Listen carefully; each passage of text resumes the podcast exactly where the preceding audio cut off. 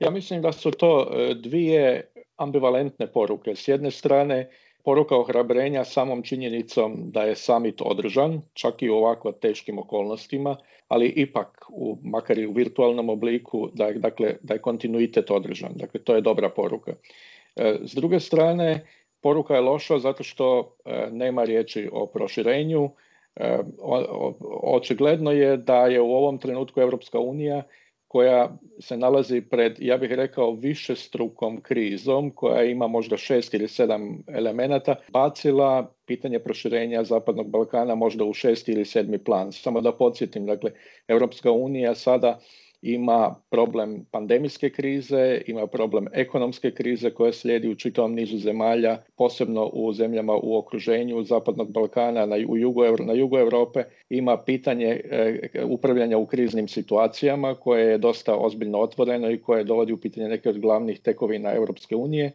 Suočava se i dalje s pričom o Brexitu i Pojavljuje se posebno zbog pandemijske krize novi tip odnosa prema Kini i sjednjim američkim državama i naravno zadnje, to bi rekao, mislim da je to šesta od ovih kriza je migracijska kriza za koju smo pomalo zaboravili. Da li onda Brisel rizikuje da zemlje bivše Jugoslavije gurne pod još veći uticaj Kine i Rusije? Postoji taj rizik. Ja sam e, već čitav niz godina kritičan prema politici Europske unije jer smatram da ona bez ikakvog velikog razloga oklijeva da što prije uključi zemlje Zapadnog Balkana u Europsku Europsku uniju, e, rizici od e, sadašnje situacije, dakle da je, da je Zapadni Balkan isključen, e, su daleko veći nego što bi bili rizici brzog uključenja tih zemalja u Europsku uniju.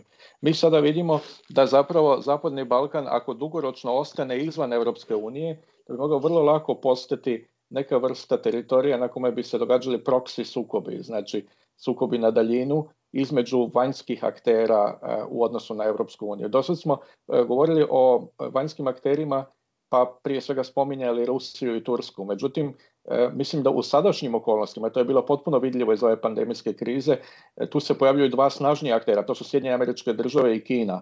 Sjedinjene države vrlo prisutne u pitanju Kosova, u pitanju Bosne i Hercegovine, jednim dijelom Sjeverne Makedonije, a Kina E, sa novom krizom pandemijskom u Srbiji. I ako ostavimo Balkan po strani trenutno, e, da li mislite da je Evropska unija ušla u novu krizu s obzirom na to kako su zemlje reagovale na epidemiju koronavirusa? Videli smo da je e, praktično suspendovan Schengen, videli smo da u početku nije bilo solidarnosti, pa je posle nešto malo, evo sad ne mogu da se dogovore oko načina ekonomske i finansijske pomoći jedni drugima.